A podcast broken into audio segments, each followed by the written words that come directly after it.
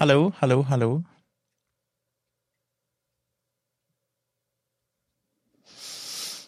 Skriv gjerne i chatten i kommentarfeltet hvis dere er her, så jeg ser at det er folk.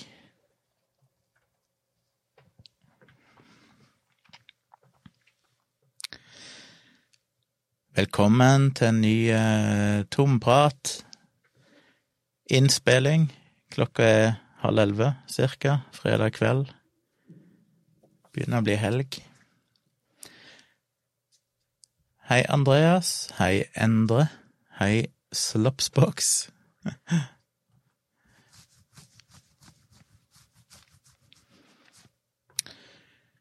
Ja, det er fredag. Har det skjedd noe spesielt i dag? Um, nei. Det er vel eh, som jeg eh, sa i går, så kan jeg ikke tenke meg annet enn at Biden kommer til å vinne dette presidentvalget. Nå skal det vel være nesten umulig for Trump å vinne. Kom på én ting jeg må gjøre. Et øyeblink. Øyneblink, heter det vel.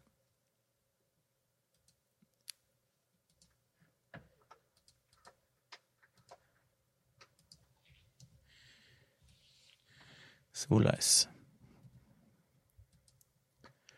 Så man skal være noen notifications her. Sånn. Hei, Sindre. Jeg kjører på med ny livestream, for jeg syns jo det er så koselig på kveldene. Prøvde meg litt tidligere i dag istedenfor en sånn natte, nattestream. Bare for å eksperimentere litt og se når det passer best for folk å komme på. Hei, Silvia.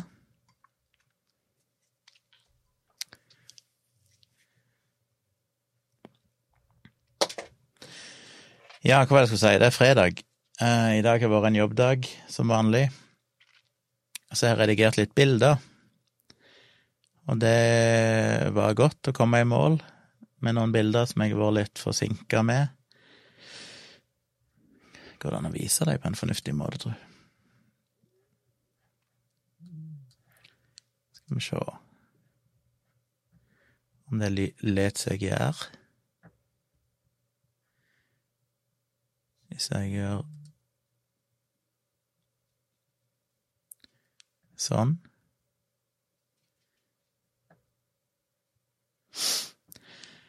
Dette er noe bildet jeg har sittet og redigert i dag. Det var en av mine patrons, Trond, som spurte om jeg ville ta bilde av uh, hans barneflokk, som består av to uh, unge voksne og to uh, små.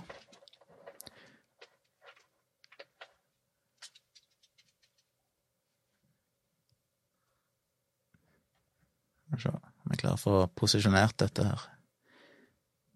Hvordan gjør jeg det?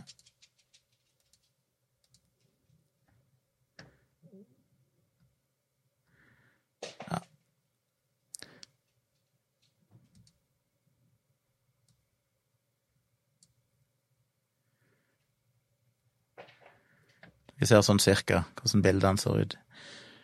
De kom og besøkte meg her oppe på Haugenstua, som jeg bor. Og så hadde vi en liten Photoshop, Photoshop, photoshoot for en eh, De var det tre uker siden. Rundt i eh, høstværet. Vi var så uheldige, for jeg hadde planlagt at vi skulle få fint lys og alt mulig den dagen, men så plutselig, rett før de kom, så ble det veldig mørkt og overskya. Så det ble ikke helt det lyset jeg hadde håpet. Men jeg tror det ble eh, ok bilder. Det er sånn jeg liker å, å styre med. Og det var en trivelig gjeng. Det var som jeg har sagt i podkasten min inne på Patron, så var det litt krevende å få de små til å se på kamera. Det er alltid en utfordring som fotograf, men eh, faren deres var veldig behjelpsom, sto bak meg og prøvde å få oppmerksomheten deres.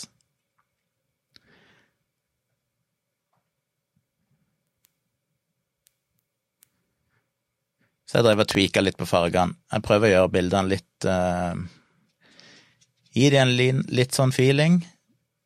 Prøvde å gi dem litt høstfølelse, med litt oransje blader.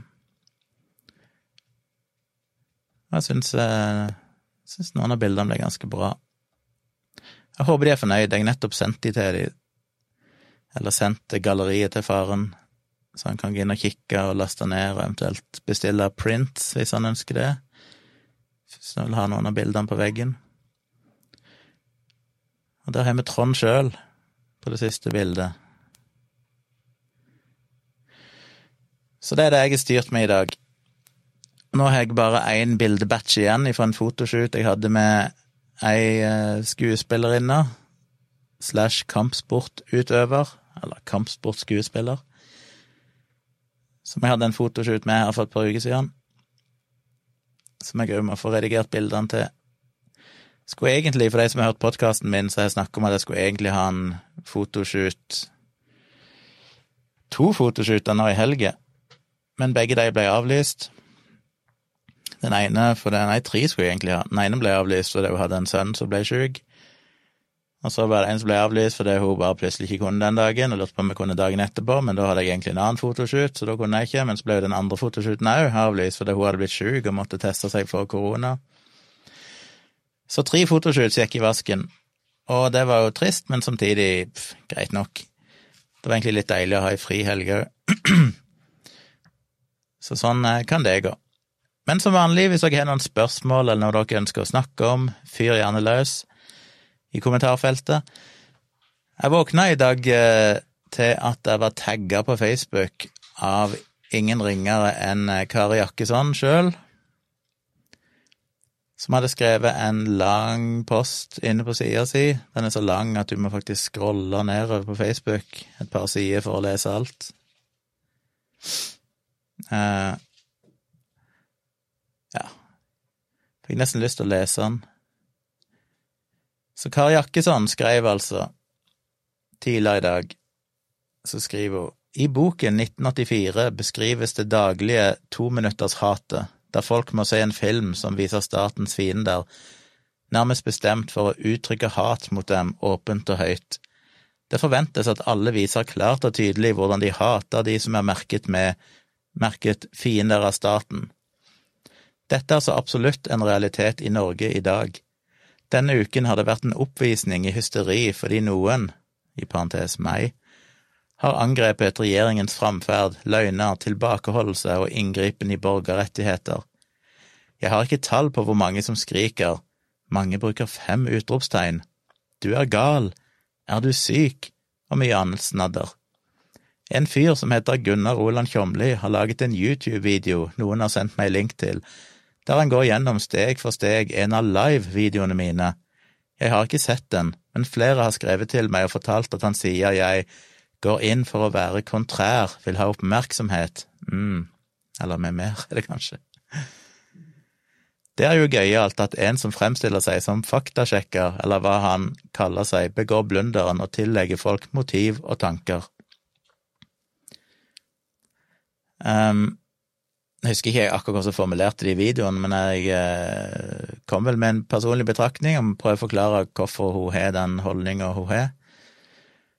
Det er ikke så mye en kan eh, faktasjekke, men en kan komme med hypoteser som er underbygd av forskning, og jeg mener at alt hun viser til av oppførsel, eh, passer veldig godt i hvert fall inn i det mønsteret av en klassisk konspirasjonsteoretiker. Hun oppfølger jo alle kriteriene så jeg syns jo det var relevant å ha med i videoen. Men hun fortsetter. Tidligere fotballspiller Mats Hansen skal ha delt noe på Instagram, har iallfall fått noen hundre hatmeldinger som refererer til ham. Ingen av disse to mennene har tatt kontakt for å be om kommentar fra meg, eller vært nysgjerrige på det jeg sier. Uh, ja, jeg vet ikke når jeg ber om kommentar. Hun har jo lagt ut en lang live-video som jeg kommenterer. Hun sier jo alt hun trenger å si der, pluss at jeg har jo sett ganske mye annet hun har skrevet, så det er jo ikke så mye tvetydighet. Hun fortsetter. Alt jeg sier i mine videoer kan verifiseres, absolutt alt. Jeg viser vel egentlig i videoen min at hun tar feil noen ganger. Hun kommer jo med påstander som åpenbart ikke er sanne. Så hva hun mener med at alt kan verifiseres, det vet jeg ikke. Men hun fortsetter. Alt jeg sier, kan det argumenteres mot. Ja, det er hun jo rett i. At man synes jeg er litt vel direkte, er en annen sak. De som henger seg opp i form og ikke innhold, eller som blir så rasende over at noen mener noe annet enn dem selv, er et stort problem for det offentlige ordskiftet. Eh, ja, nå vet ikke jeg hvor Mads Hansen er posta, men jeg vet iallfall hva min video inneholdt. Jeg kan ikke si at jeg kan karakterisere meg selv som rasende i den videoen. Ei heller at jeg henger meg opp i form. Jeg henger meg jo kun opp i innholdet. Det er jo innholdet jeg kommenterer gjennom hele videoen min.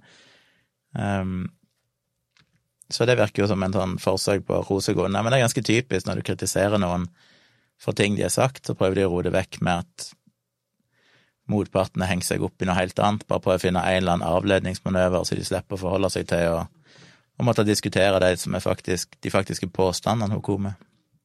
Sjøl må hun jo mene at alt kan verifiseres. Hun skriver videre Myndighetene og deres pressekorps har klart å skremme folk i den grad at rasjonell og kritisk tenking er som blåst bort. Tja, jeg vil vel kanskje hevde at uh, det er hun som er ganske blåst. Hun fortsetter, det er dessverre altfor få som tar seg tid til å verifisere tall, eller som stopper opp og tenker hm, 154 milliarder kroner for å, påstå, for å påståelig redde noen hundre gamle mennesker er det i tråd med den politikken regjeringen har ført de siste fire årene? Svaret er selvsagt nei. Regjeringen har tvert imot gjort livet vanskeligere for kronisk syke og uføre. Rart hvor folk folk glemmer.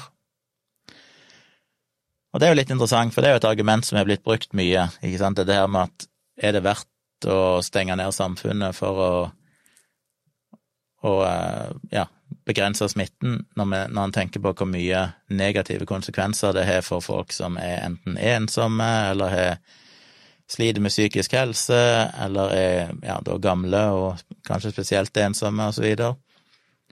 Det jeg tror de glemmer i det argumentet, er jo at hele poenget er jo at hvis ikke vi gjør det nå, og prøver å holde denne her hva de kaller den, noen kan sikkert minne meg på det, men denne taktikken med at du stenger ned litt, og så åpner du opp litt igjen, og stenger ned litt og åpner opp igjen for å prøve å holde smitten på et håndterbart nivå. Hvis ikke en gjør det, så vil det bli ufattelig mye verre. Det er jo ikke sånn at vi gjør dette Ja, det blir dette det klassiske falske nullpunktet som jeg skriver om både i bøker og blogg. Dette her med at det er en slags idé om at hvis vi hadde fjerna ett problem, så har vi løst problemet, uten å se på hva er alternativet. Og her er det jo sånn, hun innbiller seg at hvis vi heller hadde bare åpna samfunnet, så hadde vi sluppet de problemene med folk som sliter med psykisk helse og ensomhet og sånn. Hun glemmer jo da at da vil det jo gå en måned eller to, og så vil vi jo enten måtte se eh, enorme antall syke og en ganske mange dødsfall og så videre. Ellers så vil vi få det veldig mye verre. Eh, når vi da velger kanskje å gripe inn på det tidspunktet om å stenge ned totalt for å klare å stoppe smitten. Så jeg skjønner ikke helt det argumentet. Det med at den taktikken vi har brukt nå, som tross alt har vært ganske mild i flere måneder nå, eh, tror jeg er bedre for alle. Selvfølgelig er det noe en kan diskutere, og det kan hun selvfølgelig ha sine meninger om, men det er jo ikke de meningene hun fremmer i videoen sin, det er jo ikke de meningene jeg diskuterer. Det jeg diskuterer i videoen, og igjen så prøver hun nå bare å på en måte ro seg vekk med noe helt annet enn det hun faktisk snakker om i videoen sin. Det jeg kritiserer i videoen, er jo påstandene hun har om at vi lever i et totalitært samfunn og alt det der, at det er et overgrep mot kroppen hennes å bruke munnbind, at det ikke er lov, at det er forbudt, det er mot norsk lov å kreve at noen bruker munnbind i butikken på privat eiendom, og så videre. Det er jo de tingene jeg adresserer i videoen, ikke alt annet hun måtte mene om pandemien. Men igjen, det er jo klassisk strategi at hun da igjen har jo ikke kommentert noen ting så langt av det hun faktisk sier i videoen sin. Det er jo bare glatt unngått. Hun først mener at jeg bare har gått på form og ikke innhold, som jeg jo på ingen slags måte gjorde. Og så begynner hun å diskutere nedstenging av samfunnet mer generelt, som jeg heller ikke har diskutert i videoen. Hun fortsetter med Jeg har bedt flere fortelle meg på hvilken måte politikken til Solberg-regimet har gjort deres liv bedre og gitt dem mer penger å rutte med, og hva regimet har gjort for landet. Det ble helt stille, naturligvis, for det er ikke noe å svare. Likevel innbiller de seg at Erna Solberg med ett bryr seg om dem. Det gjør hun ikke, hennes lojalitet ligger ikke her. Igjen, sjekk hva jeg sier, og om du er uenig, kom med argumenter og eksempler på at Solberg-regimet har gjort nordmenns liv enklere og bedre. Eh, ja, igjen, det er ikke det videoen hennes handler om, det er ikke det jeg diskuterer i videoen, så det er sånn sett irrelevant. Flatten the curve, sier Espen. Ja, det var det jeg leide etter, dette med å stenge ned og løsne igjen gradvis for å prøve å holde, holde smittekurven eh, låg og flat. Eh, hva er det Solberg-regimet har gjort? Eh, har Solberg-regimet gjort deres liv bedre? Nå vet ikke jeg om hun snakker generelt sett, jeg er jo ikke noen tilhenger av den regjeringen som er nå, rent politisk, men i pandemisituasjonen så vil jeg jo definitivt si at regjeringa har gjort livet bedre, for det at alternativet er jo, som jeg sa i stad, én, at vi hadde sett mye mer dramatiske konsekvenser. men en trenger jo bare å se til USA Eh, og for de som mener at det ikke er farligere enn influensavirus, er det jo bare å se på dødstallene i USA på koronaviruset sammenlignet med en vanlig influensasesong.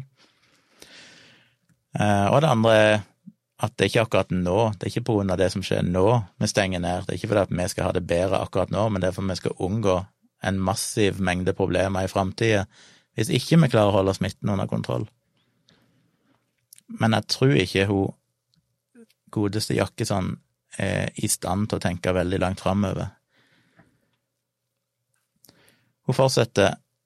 Det er jo bare pinlig å se hvor mange som skriker og hyler fordi noen påpeker hva regimet driver med, at vi blir lurt, sjekker ikke om det jeg sier stemmer, det gjør det, eller i det hele tatt ser ut til å tenke fremfor å bare reagere.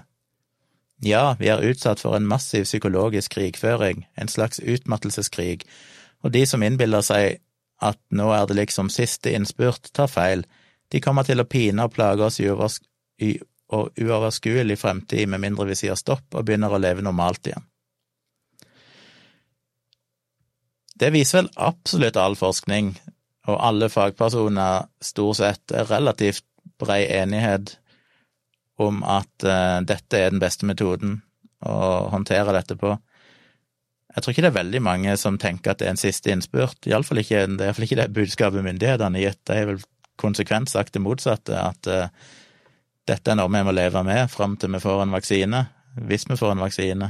Og vi vet ikke hvor fort det kan skje, forhåpentligvis om et halvt år. Men det er på ingen selvs måte noen siste innspurt, og det tror jeg ikke det er veldig mange i, som diskuterer dette på noe rasjonelt plan, som mener heller. Hun sier at eh, alt hun sier, stemmer. Det gjør du ikke, men bare det hun har skrevet i den teksten så langt, har jo stort sett vært vås.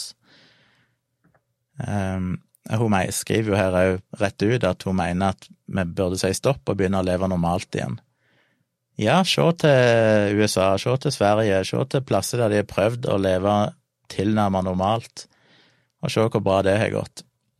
Det er en kan uh, se på stater i USA, der du kan sammenligne stater som har åpna opp butikker og restauranter sånn tidligere, og sammenligne dem med de andre. Og økonomien går ikke noe bedre de plassene der de åpner opp tidligere, fordi det fører til en enorm frykt i samfunnet, for de ser at folk da begynner å bli syke, smittetallene går i været, businessen går ikke opp allikevel. Det er fryktelig mye som sikkert høres bra ut hvis ikke du faktisk sjekker fakta, og jeg mistenker jo Jakkesson for å ikke være spesielt flink til å sjekke fakta, hun finner vel fragmenter av data som passer det bildet hun vil ha, blant annet ifra veldig upålitelige kilder. Men ja. Hun skriver videre nå er det redde jula i alle land, regimer i alle europeiske land følger samme program. Folk holder seg hjemme, butikkene og restaurantene går konkurs, og Amazon og co. blir rikere og rikere. Ja, det er dessverre konsekvensen av eh, at Amazon og co. blir rikere og rikere. Det det kan du jo mislike hvis en vil, men det er vel en konsekvens av at folk da selvfølgelig bestiller mer på nett. Eh, Regimer i alle europeiske land følger samme program. Det er vel ikke primært for å redde hjulet, men selvfølgelig håper vi jo klarer å, å senke flatten the curve igjen før jula setter inn. Men grunnen til at det er flere og flere land sør i Europa, nå gradvis òg lenger og lenger nord og opp til Norge, har måttet innføre strengere tiltak igjen, er jo fordi vi har sett hvordan det går godt lenger sør i Europa, der smitten har eksplodert igjen. Så det er ikke noe de bare har funnet på, disse regimene, for at nå skal vi redde hjulet. Det er jo fordi de faktisk ser at smitten øker altfor raskt, og hvis ikke en gjør noe da, så vil det ha mye mer dramatiske konsekvenser i framtida enn det vi opplever akkurat nå. Og det er her jeg på en måte savner en debatt, for det hun burde ha snakka om hvis hun faktisk engasjerte seg i dette, det er jo støttetiltakene fra regjeringa. Fordi diskusjonen er jo ikke om du skal holde en restaurant åpen eller ikke for at den skal unngå konkurs. Som sagt, data fra andre land, blant annet USA, viser at det er ikke noe bra for en restaurant hvis myndighetene sier ja, bare hold oppe, og så går smittetallene i været. Det er heller ikke bra økonomisk for restauranten, så det eneste gode alternativet er å stenge ned så godt vi kan, men så kan en selvfølgelig diskutere hvilke støtteordninger burde regjeringa trå til med, og der kan en kritisere og si at myndighetene, staten, må trå til med bedre støtteordninger for å prøve å unngå konkurser. Eh, men det diskuterer ikke hun, for hun tenker jo ikke pragmatisk på den måten. For henne så handler det jo bare om å ha rett i at vi skal ikke stenge ned, og så bruker hun alle sånne worst case-eksempler uten å diskutere at det faktisk finnes en mellomting. Hun fortsetter det er, det er en stor økonomisk resett på gang. De fleste vestlige land var allerede konkurs. Nå er det viruset sin skyld, men det er vanskelig for svært mange å forstå. De færreste vet engang hva World Economic Forum er. Og hører de noe som ikke har stått i VG eller blitt lest opp på Dagsrevyen, så avfeier de det straks som konspirasjonsteori, som om ikke sammensvergelser inngås hele tiden. Eh, ja, det er jo så vidt rett i. Konspirasjonsteorier er jo ikke alltid feil, det har jo definitivt skjedd konspirasjoner i verdenshistorien. Men det er på en måte ikke sammenlignbart med det vi snakker om nå. Her er det ikke noen særlig dette er på en måte ikke noe hemmelig eh, propaganda som foregår, eller hemmelig sammenslutninger som skjer under bordet. Dette er jo noe som er en ganske åpen vitenskapelig debatt, der det blir publisert tusenvis på tusenvis av vitenskapelige artikler der en prøver å drøfte og finne ut hva er den beste strategien, og hva er konsekvensene av forskjellige strategier. Så prøver forskjellige land litt forskjellige strategier basert på det. Men uh, igjen, det er jo nettopp det som gjør det til en konspirasjonsteori, det er jo det at hun klarer å fremstille det som en konspirasjon, men at dette egentlig handler om helt andre motiver enn det som er offentlig, og at uh, vi egentlig lever under et totalitært regime. Så det blir jo en konspirasjonsteori fordi hun ikke er i stand til å diskutere det rasjonelt, basert på faktiske sannheter. Uh, hun fremstiller det som et eller annet mystisk og skjult og en eller annen agenda uten selvfølgelig å ha noe dokumentasjon på det. Så fortsetter hun. Warren Buffett sa det er en klassekrig på gang, og min klasse vinner. Og med hjelp fra folk som Mats Hansen og Gunnar Olan Kjomli retter folk sinnet sitt mot de som påpeker at keiseren ikke har på seg klær, fremfor mot regimet som er i ferd med å bankerotte Norge.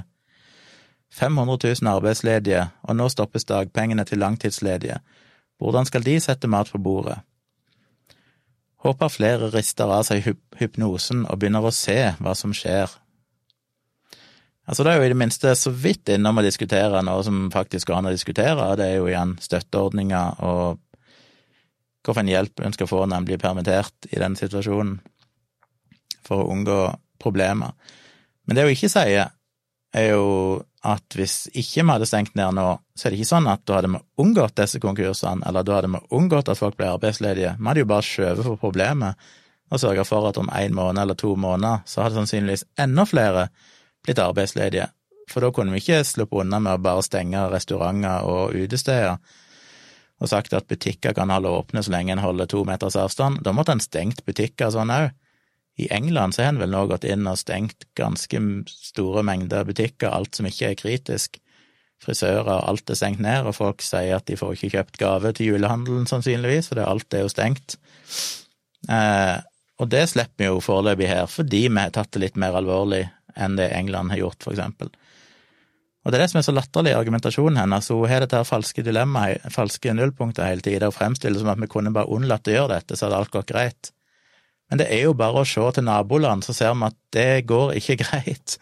Det betyr at vi ville måtte stenge ned enda mer i framtida, og vi ville fått like mange arbeidsledige, vi ville fått like mange konkurser. Så det er så ufattelig, ufattelig korttenkt, den argumentasjonen hun har. så slutter hun da med et PS, masker funker ikke. Selv direktøren for Folkehelseinstituttet, Camilla Stoltenberg, som må være under et umenneskelig politisk press, ble nettopp spurt om dette med masker. Hun klarte ikke si annet enn det gir et klart signal om at man er opptatt av smittevern, altså, det har ingen effekt, det er en symbolhandling. Og det med maske kan en selvfølgelig diskutere, og det gjør jo jeg i videoen som er retta mot henne òg. Hadde hun faktisk tatt seg bryet til å se videoen før hun kommenterte alt dette her og hadde masse meninger. Så hadde hun hørt at jeg sa at jeg var for så vidt enig med henne i at jeg òg er skeptisk til hvor stor effekt maskene har, eller munnbind har. Men effekten er definitivt bedre enn null.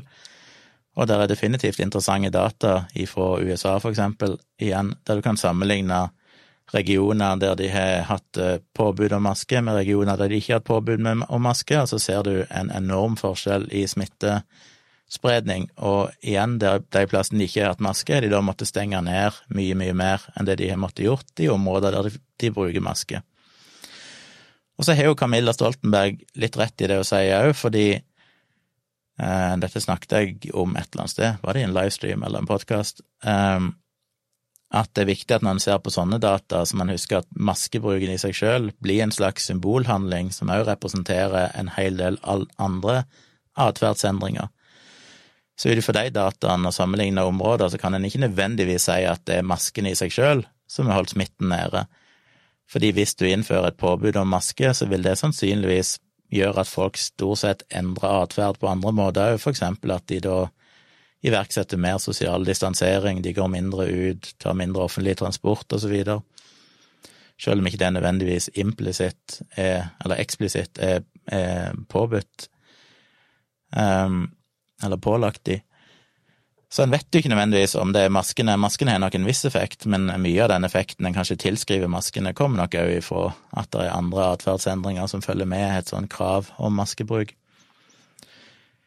Så som Camilla Stoltenberg så er jeg òg skeptisk til om maskene eller munnbind har en enorm effekt, men det sier jeg jo òg i videoen der jeg kritiserer henne.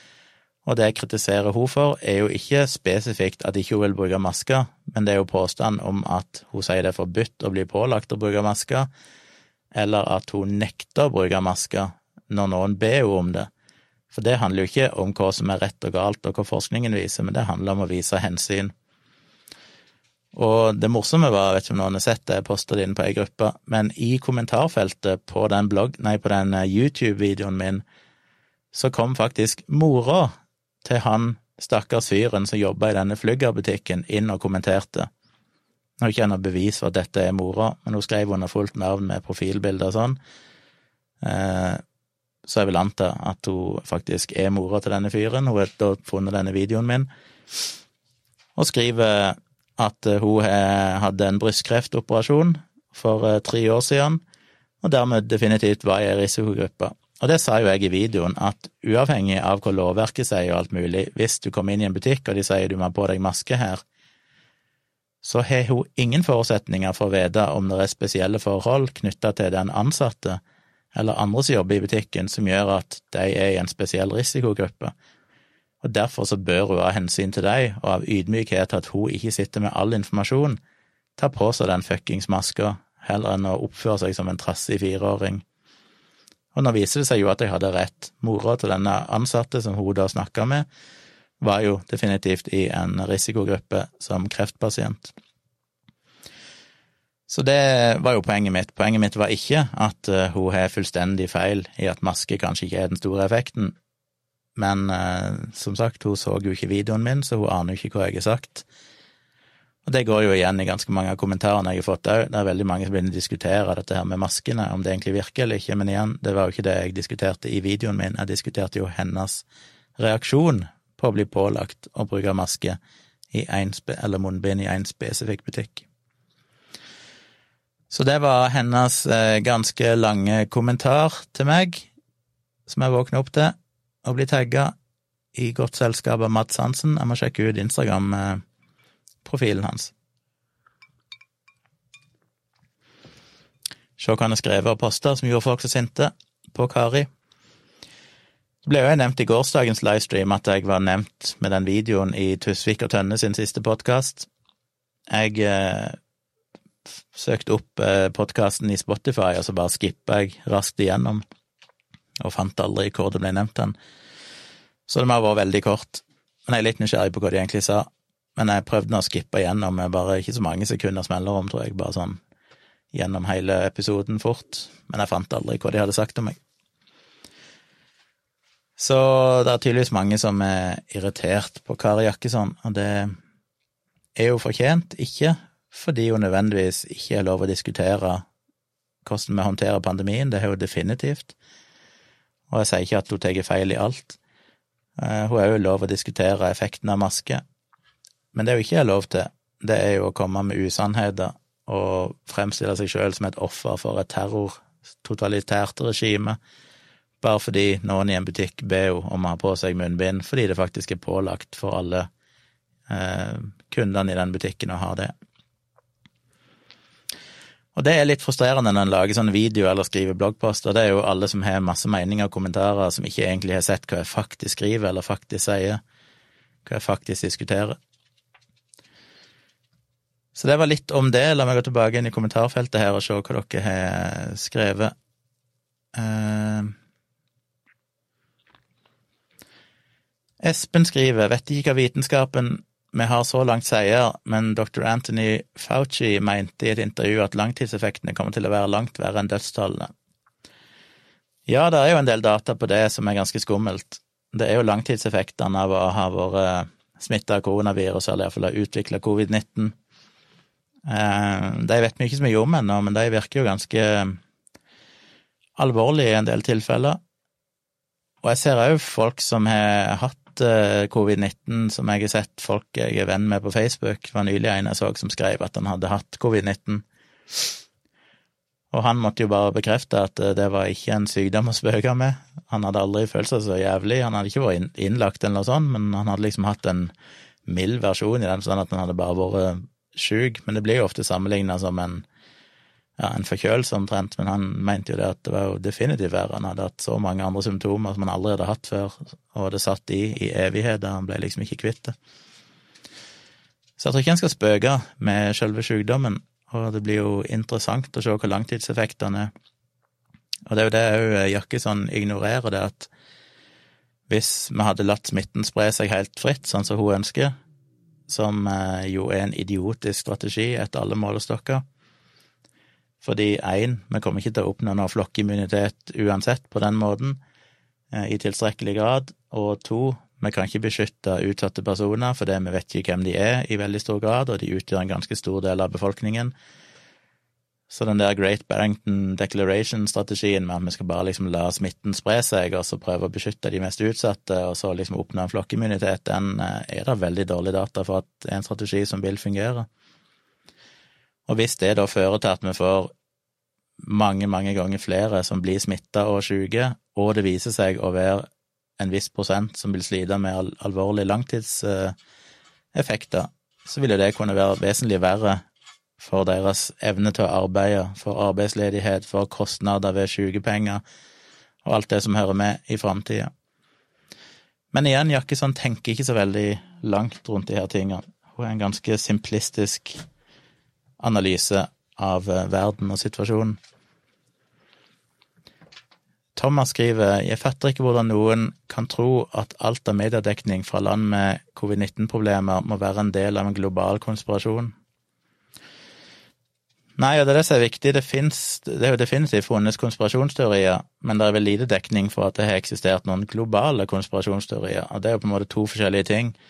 Konspirasjoner kan jo eksistere helt ned til små bedrifter, ledelsen i en liten bedrift, kan ha en intern hemmelig konspirasjon eh, som ingen av de ansatte kjenner til, eller et eller annet sånt. Selvfølgelig skjer det. Men det er noe helt annet enn de såkalte globale konspirasjonene, som krever at tusenvis på tusenvis av mennesker er involvert og tydeligvis kjenner til sannheten, men holder kjeft om det og alt dette her. Pluss at eh, ja, det henger bare ikke på greip, selvfølgelig, for det at da måtte jo basically alle vitenskapsmenn omtrent innenfor dette fagfeltet i hele verden være med på en konspirasjon, siden de driver og publiserer tusenvis av artikler som i veldig stor grad støtter opp om at vi må ha disse tiltakene som vi nå har.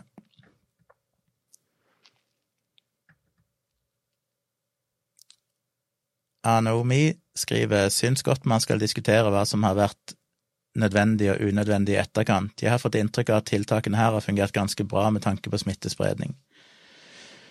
Og det er jeg jo helt enig i, og det sa jeg vel, tror jeg, òg eksplisitt i videoen, at den diskusjonen vil komme. Men eh, å diskutere det nå blir veldig dumt. For tenk deg en situasjon med et smittsomt virus som var vesentlig farligere enn koronaviruset, det nye koronaviruset. Vi kan da ikke ha et samfunn der en del i befolkningen bare sier at nei, men jeg vet best, jeg ønsker ikke forholde meg til dette, så jeg bare lever mitt liv som jeg vil. Selvfølgelig kan Jakkesson og koder fremstille det som at vi andre er kua av myndighetene når vi ikke er i stand til å tenke sjøl, men det handler om at skal du leve i et samfunn til det beste for alle, så må du av og til sette dine egne ideer til sides. Selv om du mener du har rett, så må en av og til si ok, eh, risikoen er så stor at i dette tilfellet så må jeg være en av saueflokken, fordi det er faktisk til det beste. For det verste som skjer, er at vi kan ha den diskusjonen seinere, og da kan du si alt det du vil, når vi på en måte har, har oversikten. Men mens det står på, så har vi ikke råd til at enkeltindivider eller grupper finner på at de skal bare kjøre sitt eget løp.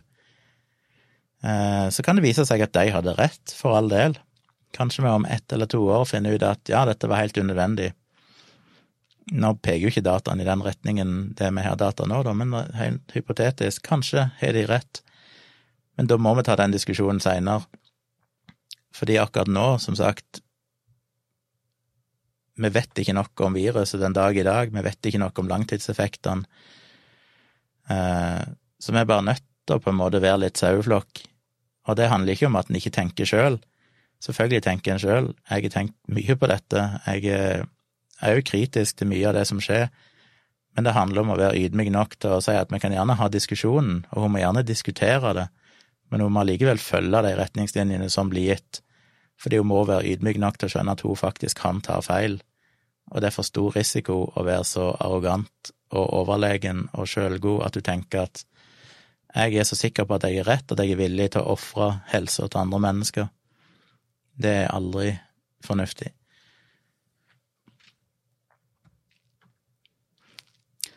Tindra skriver det kan også være omvendt at mange med munnbind tenker at avstand ikke er så viktig når de har det på, for ikke å glemme at feil bruk vil kunne være verre enn å ikke bruke det. Ja, det er et viktig poeng, og det diskuterte jeg nylig med en som skrev til meg på Messenger. Eh, det kan være en effekt av munnbind, en negativ effekt, at hvis du tror at du så lenge du er på munnbind, så er det ikke så nøye lenger, da kan du gå ut blant folk, og så videre.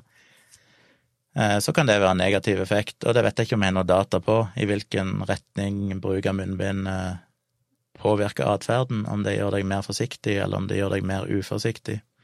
Så det er selvfølgelig òg en interessant ting å finne ut mer om. Når det gjelder dette med feil bruk, så er det òg en av de tingene som jeg har vel sagt flere ganger dialogisk, at gjør at jeg er litt skeptisk til bruken av munnbind, for de beste data på munnbind tyder jo på at de er jo vesentlig mindre effektive enn det å holde litt avstand ifra andre mennesker. Men det er jo òg da sannsynligvis i best case-tilfellet, der du bruker kirurgiske munnbind, og du bruker de korrekt. Og mitt inntrykk etter å ha beveget meg ute blant folk, er jo at det i veldig liten grad skjer. Eh, til og med når jeg ser sånne videoer på NRK og så videre, der de viser hvordan du skal ta på deg munnbind, eller teknikker for å unngå at brillene dine dogger, så står de jo og fikler med munnbindet på innsida og utsida og klabber overalt på det og sånn. Ja, kanskje de akkurat har vaska og sprita hendene sine men det er et dårlig, dårlig forbilde. Og det er det som er litt av problemet. Folk har munnbind i lommer, og de tar de ut og klabber på de, og de bruker de flere ganger, og alt mulig. Så sånn sett er jo Camilla Stoltenberg rett, at i praksis så vil nok munnbind for veldig mange mest av alt være en slags eh, symbolhandling for å vise at du tar dette alvorlig. Men jeg tror til og med det beste er jo selvfølgelig at folk ikke går ut mer enn det de absolutt må, og prøver å begrense sosial omgang med andre til et minimum. Eh, Anomi, som jeg aldri vet om jeg uttaler navnet på rett, skriver usikker på om jeg syns det burde vært maskepåbud flere steder, eventuelt landsomfattende på kollektivtransport, butikker osv.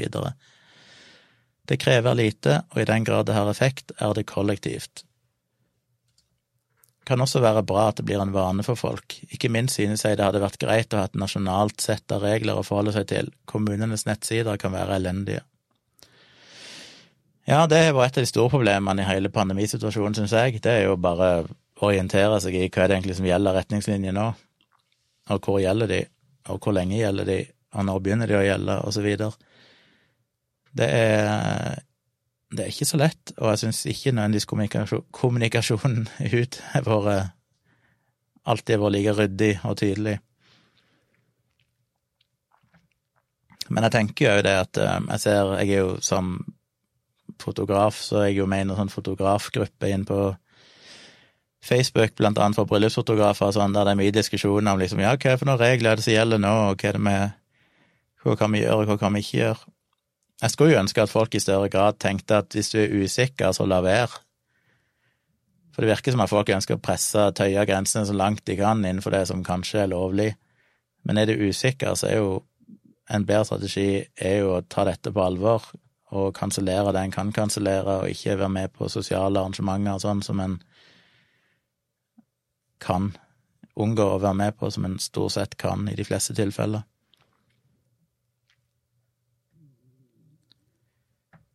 Johan skriver at fra 2755 i Tusvik og Tønne snakker de om videoen din. Takk, Johan. Da Det må jeg notere meg. 2755, for ellers mister jeg uh, Mister jeg chatten her etterpå, så glemmer jeg uh, tallet. Nå virker selvfølgelig ikke den pennen. Lurer på om jeg har noen penner som virker. De er så gamle, de her pennene, en blyant, det svikter jo aldri. 27 55. Da skal jeg sjekke det ut seinere. Thomas skriver syns ikke det ser ut at folk i butikker og så videre med munnbind går spesielt nær andre, anekdotisk, men dog likevel. Ja, jeg Igjen, det blir jo anekdotisk, eller det blir jo egentlig bare ren synsing fra min side, men jeg hadde vel innbilt meg at hvis en tar på seg munnbind på en plass med en, som i en butikk, så vil du som regel òg være mer oppmerksom på avstanden til folk, men det vet jeg jo ikke. Olav skriver det hadde vært interessant og filosofert om hvordan en enda verre pandemi kunne vært løst. Sjekk ut hvordan afrikansk svinepest er på gris. Eneste metoden er storstilt avliving for å få kontroll. Så det du sier, er at vi burde ha en storstilt avlivning av mennesker for å få kontroll, det hadde jo funka, da. Tynna ut befolkningen litt. Ja, nei, men det syns jeg er skummelt, for vi må jo til alt huske at denne pandemien her er jo ikke den siste pandemien som kommer. Og vi må vel anta at eh, statistisk sett vil neste eller en av de nærmeste pandemiene som kommer i vår levetid, være eh, vesentlig farligere. Og da er det greit at vi faktisk si, trener befolkningen til å faktisk eh, forholde seg til de rådene myndighetene gir en må faktisk være del av en saueflokk i en sånn sammenheng, og det er ikke noe, som sagt, det er ikke noen motsetning mellom å lytte og følge råd og det er faktisk være uenig i de. Det gjelder jo norske lover òg, det finnes lover jeg kan være dønn uenig i, men jeg forholder meg til de, for jeg vet at jeg ikke er i en situasjon der jeg kan anta at jeg har en slags allvitende kunnskap som gjør at uh, jeg kan bare bryte de lovene fordi at jeg, ikke fordi at jeg vet best. Uh, fordi riktignok hvis det er lover som kan påføre andre direkte skader og sånn. Eh, så en er nødt til å, å, å, være litt kua, men det betyr som sagt ikke at en ikke tenker sjøl. En kan være 100 klar over at en gjør det fordi en tenker litt lenger, ikke fordi en ikke har tenkt. Thomas skriver ser til og med folk med munnbind når de kjører bilen ut av kjøpesenteret, akkurat det er overkill. Ja, jeg snakket vel om det i en tidligere podkast, eh, for det var noen som skrev det til meg inn på Patron. Og jeg jo tenker av og til det når jeg ser folk kjøre med munnbind, eller gjenger med munnbind og sånn, så tenker jeg nå har du misforstått et eller annet hvis du sitter alene i bilen. Men samtidig, så når jeg tenkte meg litt lenger om, så ser jeg jo at det selvfølgelig gir mening. Hvis du for eksempel er på et spesielt et kirurgisk munnbind, et engangsmunnbind, og du kommer ut av et sted og skal videre til et annet sted, og ikke vil bytte munnbind, så er det faktisk bedre å ha det på seg enn å ta det av, og så ta det på seg igjen. Så egentlig all ære til de som beholder munnbindet på, hvis de skal fra A til B. Og du vet jo aldri hva folk skal, det kan være folk som jobber i hjemmesykepleie eller whatever, som kjører fra sted til sted, og eh, er det ganske viktig at de faktisk følger reglene og ikke driver og tar av og på munnbind og sånn når det er engangsmunnbind. Så ikke døm folk. De kan ha gode grunner til å ha på seg munnbind i bil, og til og med når de går ute, hvis de er på vei fra et sted til et annet og skal trenge samme munnbindet på to forskjellige steder. Olav fortsetter, afrikansk svinepest er både ekstremt smittsomt og ekstremt dødelig, som er en fæl død, jeg grøsser om noe lignende skulle nå mennesker. Ja. Jeg skrev litt om det i de siste bloggpostene mine inne på bloggen min, at, eh, og igjen har jeg vel snakket om det litt i dialogisk òg, at det er jo holdt på å si heldigvis en slags omvendt korrelasjon mellom hvor farlig et, eh, et virus er, og hvor smittsomt det er. Og det ser en jo med sars- og mers-viruset, som jo er forfedrene, holdt jeg på å si, til, eller slektningene til, til det nye sars-CoV2, nye koronaviruset. De var jo veldig dødelige.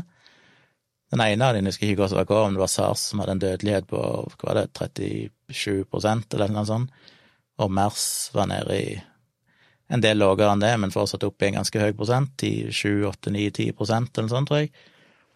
Dødelighet. Og når de er så dødelige, så er de ofte mindre smittsomme, fordi de ofte da tar livet av verten sin, altså mennesket, før de rekker å smitte andre.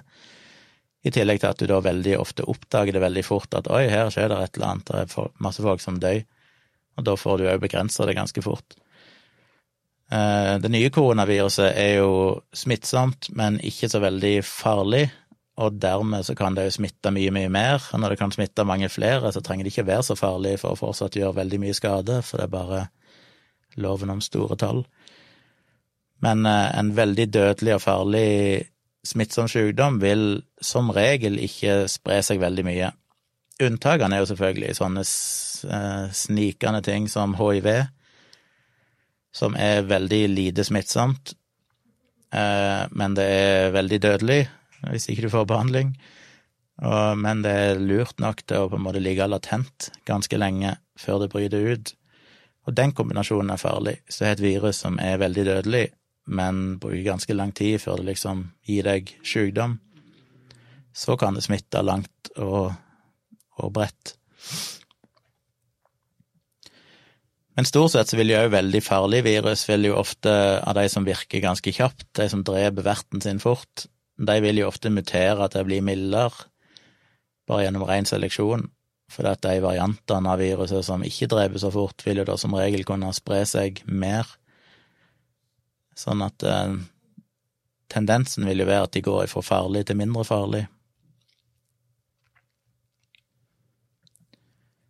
Anomi skriver Thomas Nja, når jeg går med munnbind, tar jeg den på meg når jeg går ut av huset, og av når jeg kommer hjem. Bedre enn å ta den av på konstant når man skal flere steder. Ja. Det er sant. Jeg må innrømme jeg er ikke like flink. Jeg har et eh, tøymunnbind som jeg har i en sånn ziplock-bag i lomma mi, og har den i lomma mi isolert i en sånn lufttett uh, pose som bare den ligger i. Det er ikke optimalt, men uh, så tar jeg den på meg før jeg skal på tog og sånne ting, og så tar jeg den av og legger den rett oppi den ziplock-bagen og lukker den og har den i lomma mi.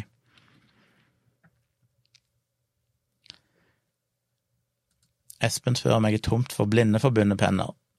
Ja, hadde sikkert ikke vært det, hadde ikke vært for at jeg flytta ganske langt siden den gang. Hadde jeg fortsatt vært på mitt gamle kontor på Tonstad, så hadde det sikkert vært Blindeforbundet-penner der fortsatt. Anomi skriver nå mens jeg er en av de veldig få med munnbind her, holder folk avstand til meg i hvert fall, for noe må jo åpenbart være galt med meg. Det er jo et poeng. Hvis du da tusjer inn litt sånn blod og sånn på han, så vil nok folk holde seg enda lenger vekke. Anomi skriver videre, nå som det blir kaldt og blåsete ute, er det til og med litt deilig å ha munnbind over nesa ute. Ja, jeg har jo nesten ikke vært ute nå på ganske lang tid, så jeg har ikke merka så mye til det, men det er et godt poeng. Det er det jeg savner mest med Jeg har jo i alle år, i mange, mange år, så har jeg gått med sånne headset som er Bluetooth trådløse, ikke dette, for dette er ikke Bluetooth, dette er studioheadsetet mitt, men den type headset. Og de fungerer jo veldig godt som ørevarmer, for de dekker jo ørene. Så på vinteren så elsker jeg jo det, for da slipper jeg å fryse på ørene. Jeg har ikke tenkt så mye over det før de gangene jeg av en eller annen grunn ikke går med headset, for jeg kanskje har glemt headset eller sånt, og så går jeg og fryser noe sinnssykt på ørene, og har glemt vekk hvor jækla kaldt det er på ørene når det er vinter. Og så har jeg gått over nå det siste året til AirPods, og de har jo ikke samme effekten. Så dette blir vel min første vinter med AirPods, og det ser jeg mørkt på. Så kanskje jeg må enten kjøpe meg ørevarmere, men det ser jeg ikke for meg å gå med, eller så må jeg ha på meg i huet. Men hodet mitt er så stort og malforma, malformert, at jeg alltid ser rar ut med huet. Alle huer ser for små ut for meg, de ser liksom sånn teite ut, så jeg må finne ei hue som ser normal ut, så jeg kan holde ørene mine varme. Anomi sier var det ikke MERS som var oppe i 30 dødelighet, og som nå stort sett er begrenset til lokale utbrudd på sykehus i Midtøsten? Jo, det kan godt være jeg bytta om at det var MERS som var farligst, og SARS som var mindre farlig, men en av de var iallfall oppe i 30 pluss prosent dødelighet, og den andre var, jeg husker ikke helt, en tredjedel av det, eller noe sånt, som jo er ganske ille, det òg.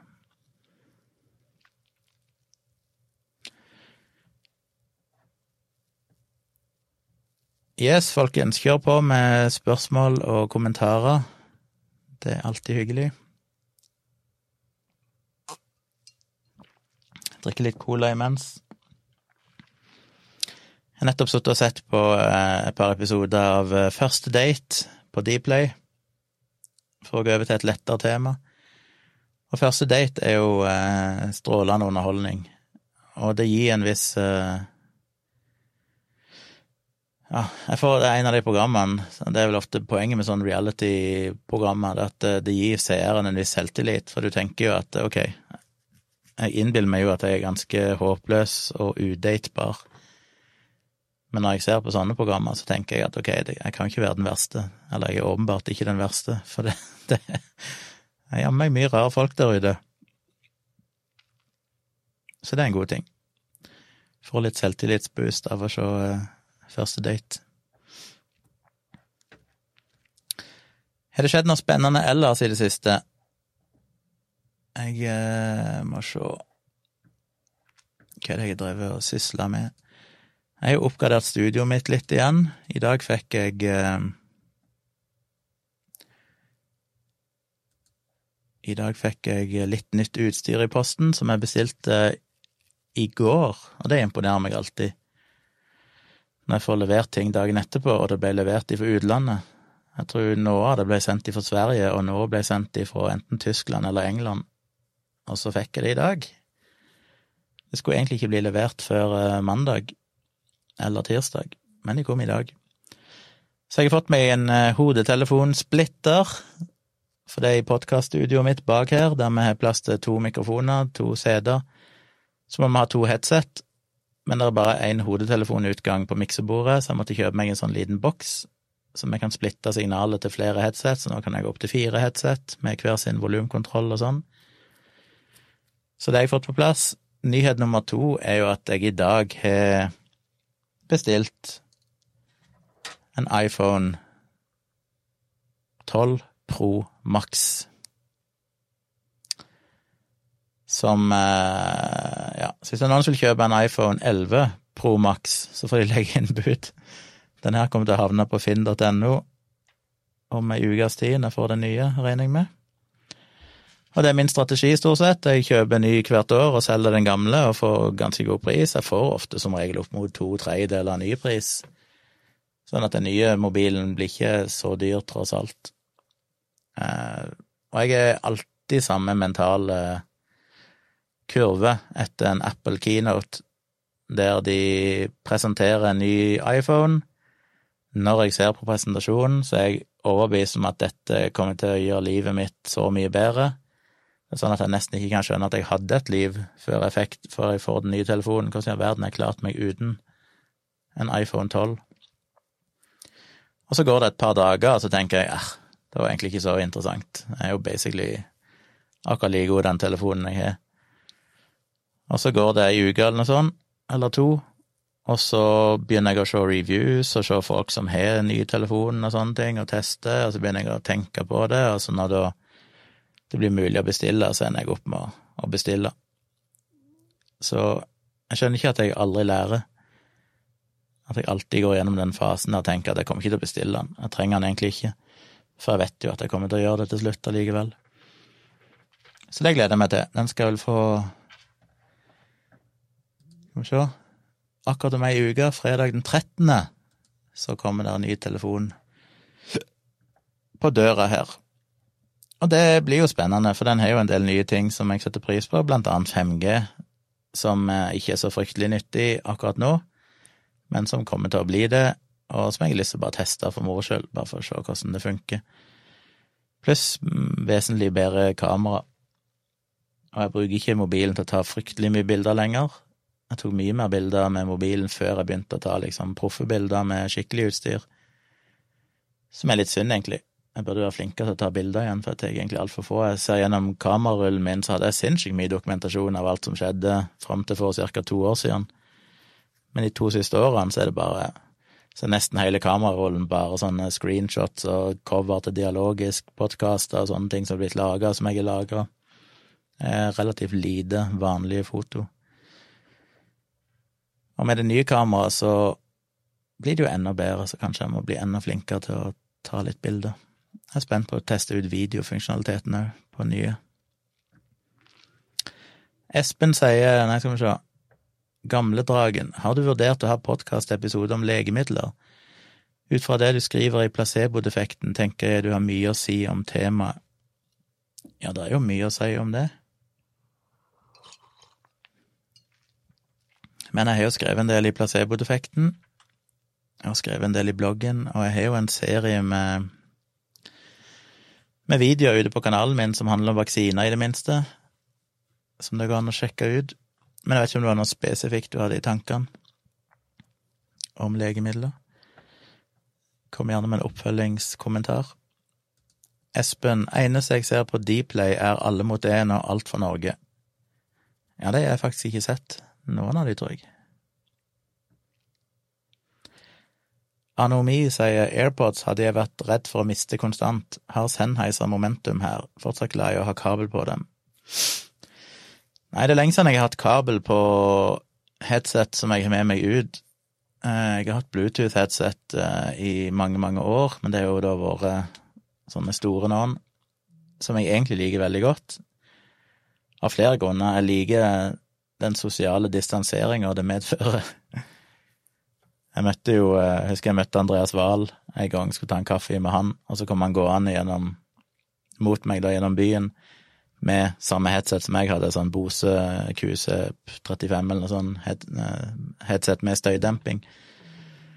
Og når han kom bort, så hilste vi, og så sa jeg ja, hva du hører på, hører du på podkast? Så sa han nei, han hadde ikke på noe lyd, det var bare det bare så greit, for når han har de på seg, så på en måte isolerer du verden, både for deg sjøl, men òg at folk føler de kan ikke nødvendigvis komme bort og snakke med deg, spesielt for en fyr som han, som er liksom kjendis og sikker.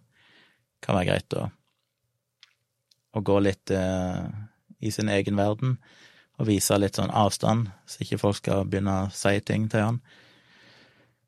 Så det er det ene som jeg liker med de store headsetene, at de gir et sånn tydelig signal om at hei, jeg er opptatt, jeg hører på et eller annet.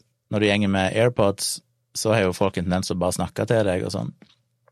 Og de AirPods Pro-ene, de kan de jo bare med å klikke på de, så kan de jo styre mellom at de skal ha støydemping på, til at de ikke skal ha noen ting på, til at de skal være sånn at lyden går gjennom med forsterking, sånn at du hører mer egentlig enn det du ville hørt uten de, omtrent. Og hvis jeg er i butikken og sånn og går og handler, så går jeg med AirPods og 9 og hører på podkast. Og når jeg nærmer meg kassa, så stopper jeg podkasten, og så slår de over på en sånn modus der de forsterker lyden. Men jeg føler meg alltid litt sånn arrogant, for det, det fremstår jo for den som jeg sitter i kassa, for eksempel, som at jeg bare driter i, i han, for jeg går med plugger i ørene.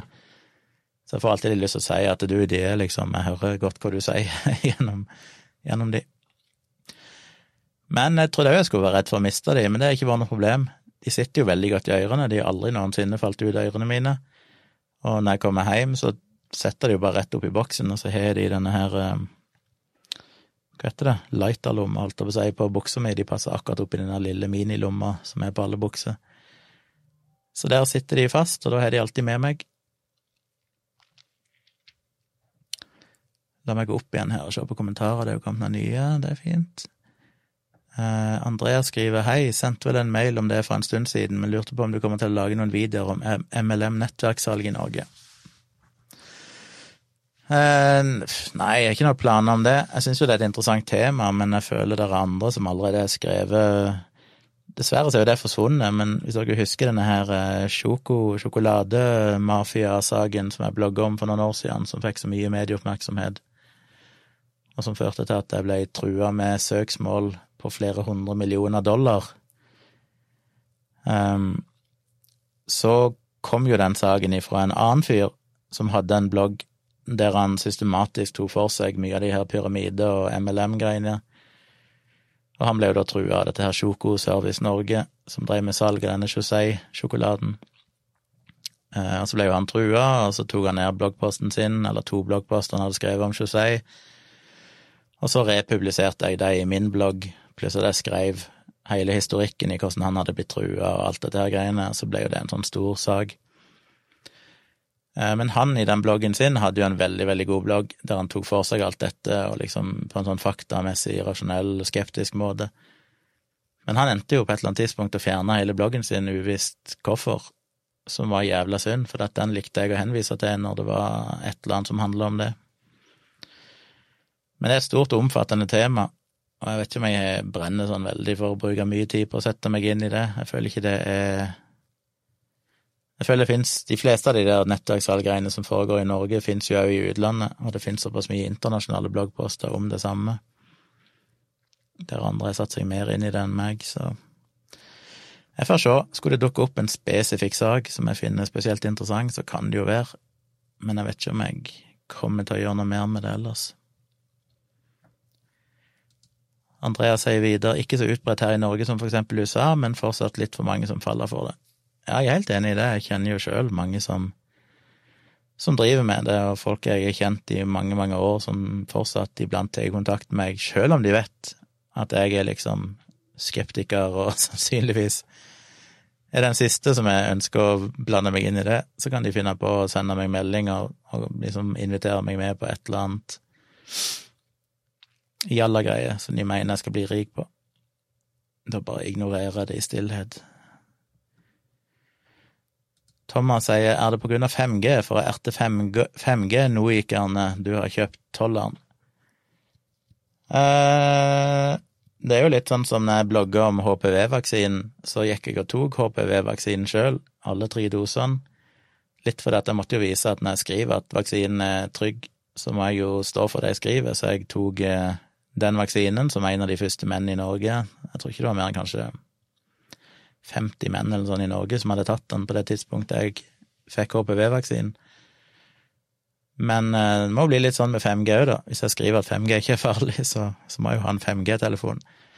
Selv om det vel teknisk sett ikke noen av disse håndsettene de er mest redde for, det er vel heller senderen, og de er der jo enten egen telefon eller ikke. Men det 5G-nettet som finnes per i dag, er jo basically samme bølgelengdene og samme senderen som 4G-nettet. Og de faser jo ut 3G-nettet nå for å gjøre plass til 5G, så det blir jo ikke noe mer totalstråling. De faser jo bare ut ett nett og faser inn et annet et, så det er ikke som at det kommer enda mer enn det det var før. Men i framtida så blir det jo millimeterbølge 5G, og det støtter jo den nye iPhone 12-en, og det er jo først da du begynner å se de her absurde hastighetene. Men eh, det er jo så dårlig rekkevidde på det. Det trenger jo ikke gjennom vinduer og vegger, og trenger ikke gjennom huden din engang, så du må jo ha direkte syns eh, line of sight til senderen. Så de må jo ha sendere i alle gater rundt forbi.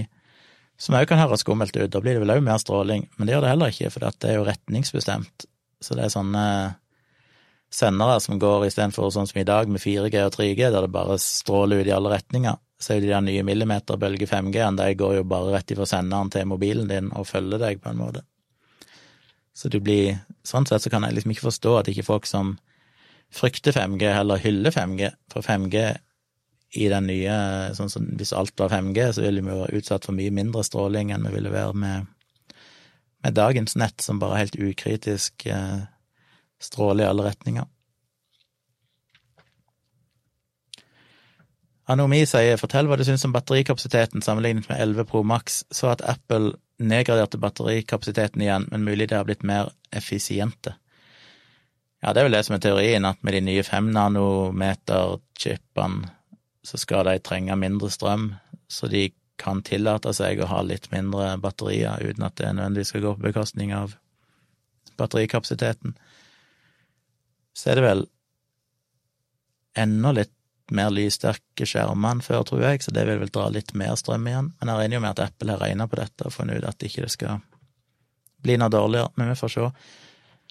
Det er litt vanskelig å sammenligne nå, for kapasiteten på 11 Pro Max er så god at jeg på kvelden så kan jeg ha alt ifra De aller fleste dagene så er jeg alltid fra 30 til 50% igjen på telefonen når jeg legger meg, eh, som er helt revolusjonerende. For alle iPhoner før det så har jeg jo stort sett vært enten helt tom eller måtte lade en eller annen gang i løpet av dagen.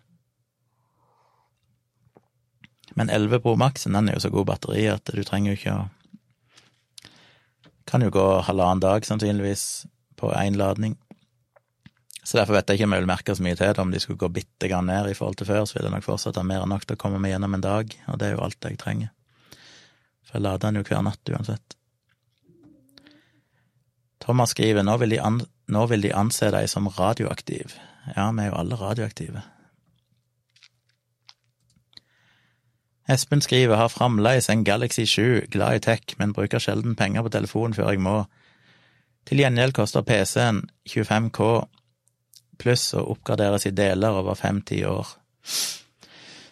Jeg er glad i tech, og jeg eh, kjøper som sagt ny telefon hele tida, men jeg selger alltid den gamle, så det er ikke sånn at det er som bruk og kast-samfunn. Den gamle telefonen går alltid til noen som eh, trenger den. Enten så gir jeg den til en av de andre ansatte i firmaet mitt, eller så har det skjedd at jeg har gått videre til andre i familien min, eller så selger jeg den på finn.no. Og min unnskyldning den holder ikke mål lenger nå, men i mange år så var min unnskyldning for en ny telefon var jo at jeg drev og det, Min jobb er jo webutvikler, så jeg måtte jo alltid teste alle nye ting på nye telefoner.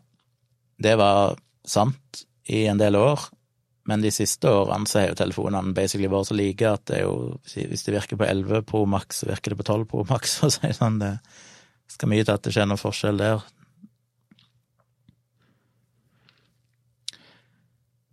Uh, Olav skriver Kjenner du noen gang et savn for livet på bygda, Gunnar, eller er du helt integrert i livet i Oslo? Nei, jeg kjenner faktisk Det har jeg vel ikke gjort en eneste gang etter jeg flytta. Ikke for å si noe stygt om livet på bygda, for jeg trivdes veldig godt uh, på Tonstad òg, sånn generelt sett. Uh, og jeg ser absolutt at det er mye bra med å bo der, men jeg bodde jo der i nesten 35 år, og jeg bodde i Oslo de siste ti og har aldri noensinne, etter jeg flytta Når jeg flytta til Oslo, så hadde jeg et hus på Tonstad, og det valgte jeg å leie ut. Jeg hadde òg en bil som jeg lot stå igjen der, fordi tanken var at jeg skulle prøve det, kanskje i et år, for å se om jeg trivdes, og da ha muligheten til å flytte hjem igjen hvis ikke jeg ville. Men det gikk ikke lang tid etter jeg flytta, for jeg visste at jeg kom aldri til å flytte tilbake igjen. Så etter ei stund så solgte jeg huset og solgte bilen, og jeg har aldri angra på det, det må jeg si. Om jeg er integrert i livet i Oslo, er vel en annen sak. Jeg lever jo ikke så veldig integrert. Jeg er, jeg er dårlig integrert i bylivet. Men jeg trives veldig godt. Jeg har funnet min eh, livsstil og har det veldig greit. Og det er en sånn klassisk ting med som mange sier, det er dette her med ja, men syns du ikke det er slitsomt å være i byen? Fordi du kan liksom aldri få fred og være aleine. Men for meg er det jo 100 motsatt. Eh, på Tonstad, der jeg kom ifra, så bor det som sagt noen få hundre mennesker. men de er jo mye mer slitsomme, for de kjenner deg jo stort sett. Så da hvis du bare skal på butikken og kjøpe et eller annet, så møter du ti personer som du føler du må liksom hilse på og kanskje til og med stoppe og snakke med. Og spesielt nå når jeg bor i Oslo og reiser hjem og kommer på Tonstad, så føler jeg jo liksom at jeg må Jeg kan ikke bare ignorere folk når jeg treffer dem. Men i Oslo, selv om det bor uendelig mye flere folk her, så er det jo ingen som vet hvem jeg er, og jeg kan bare gå helt for meg sjøl og trenger ikke å føle at jeg må hilse eller snakke med noen. Så selv om det er flere folk, så er det jo nettopp det som gjør at en føler seg mye mer aleine her, på godt og vondt. For min del godt, for jeg, jeg er ikke en som føler meg ensom på den måten. Så eh, jeg syns jo det er mye mindre sosialt slitsomt å bo i Oslo enn det er å bo på et sted med lite folk. Der er det jo mye mer sosialt krevende.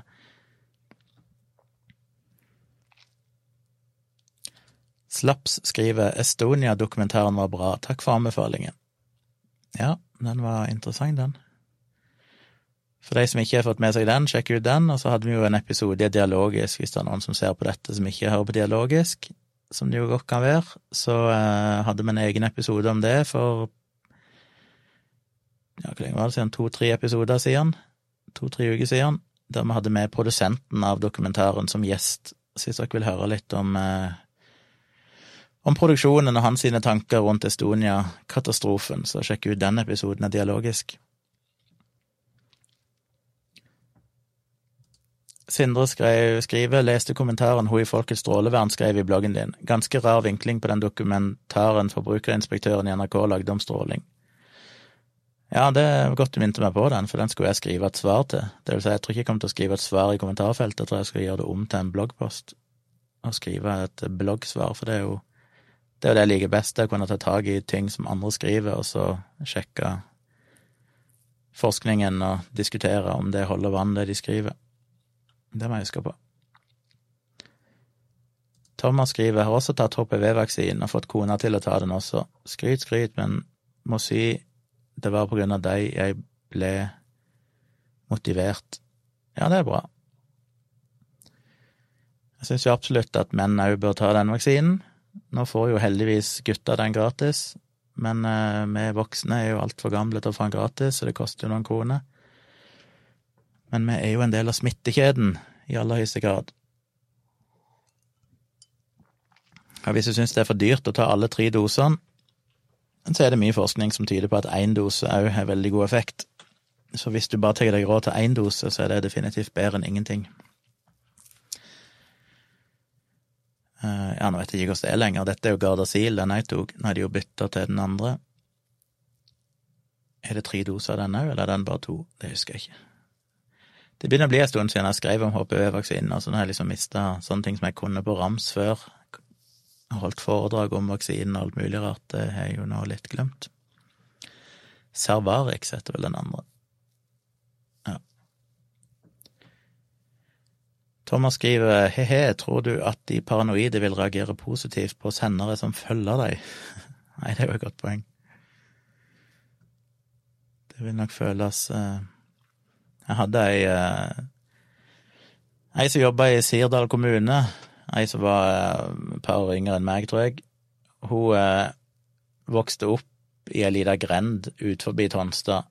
Så det, altså, Tonstad er jo lite nok, men når du vokser opp i ei lita grend der det bor liksom 30 personer, så er det jo på en måte enda verre. Og hun var en sånn veldig nostalgisk Hun er yngre enn meg, men hun er jo sånn som på en måte ønsker hun levde på 1800-tallet og har innretta seg litt sånn i livet sitt. Og når hun jobba i kommunen, så måtte hun ha en mobiltelefon. Og dette er tilbake igjen sånn for 15 år siden, eller sånn, når folk hadde disse Nokia 3210 og sånn. Og jeg husker at hun fortalte meg en gang at uh, når hun på telefonen sin, så måtte hun skru av den der T9, den der eh, forsøket de hadde på automatisk foreslå neste bokstav og sånn når du skulle skrive ting, ei sånn autocomplete, tidlig autocomplete. Fordi hun følte at T9 når, den begynte å foreslå hva hun skulle skrive, så følte hun at den leste tankene hennes. Hun ble så satt ut av det at hun måtte bare skru av T9, så hun skrev alt, liksom, hvert tegn manuelt. Så ja, det er alltid noen folk som har rare ideer om ting. Håvard skriver og spør God kveld, Kjomli, Litt off topic, men hvordan mikk og har du? Fin og klar lyd. Takk, det er godt å høre. De som har fulgt podkasten min inne på Patrion, eh, som ligger der fortsatt, hvis dere blir, støtter meg på Patrion, så kan dere høre dem. Så har jeg jo snakka mye om eh, hvordan jeg har innreda dette kontoret med akustiske paneler og mikrofoner og miksebord og alt styret jeg har her. Mikrofonen er en Røde Procaster, som er en veldig god mikrofon, ikke altfor dyr. De fleste sånne podkastere bruker jo gjerne den der Shure SM7B, eh, som er litt bedre, men koster dobbelt så mye. Så dette er en veldig god mikrofon. Jeg anbefaler den hvis dere vil ha en mikrofon som koster ja, hva den koster, 2500 eller annet sånt, ish. Og den har jeg hatt ganske lenge, det vil si, eller jeg kjøpte den vel når eh, ikke, kjøpte jeg den? Kanskje nærmere et år siden jeg kjøpte den snart. Men så sleit jeg en del med at det var fortsatt litt dårlig lyd, for jeg hadde et uh, billig Behringer miksebord. Men nå har jeg kjøpt meg et nytt miksebord som står her bak, som er mye mer støyfritt, bedre preamper, så den har gjort lyden enda bedre. Så jeg er fornøyd med den. Nå kjører jeg jo bare lyden Ja, nå booster jeg faktisk diskanten bitte grann, men ellers er det ganske nøytral lyd, egentlig, rett ifra mikrofonen. Anomi skriver hadde Huawei Mate 20 Pro før. Batterikapasiteten var helt suverent også etter to år. Det er bra. Gamle telefonen går som regel til mamma. Hun var fortsatt veldig glad i min gamle S7. Ja, eh, mine foreldre har òg etter hvert de siste årene begynt å bruke iPhone, og jeg har anbefalt iPhone til dem bare fordi det er det jeg kan best, og det er jo jeg som blir eh, deres datahjelp når det trengs. Så de har noen sånne de store maksstørrelser på telefonene, bare fordi at de pleier å skru opp skriftstørrelsen og sånn på, sånn at de ser teksten lett, så de har jo sånn størst mulig skjerm og veldig stor skrift, for de er relativt gamle etter hvert. Iallfall far min, han må iallfall ha oppblåst skrift og sånn for å kunne se hva som står der. Så det funker bra for deg med store telefoner.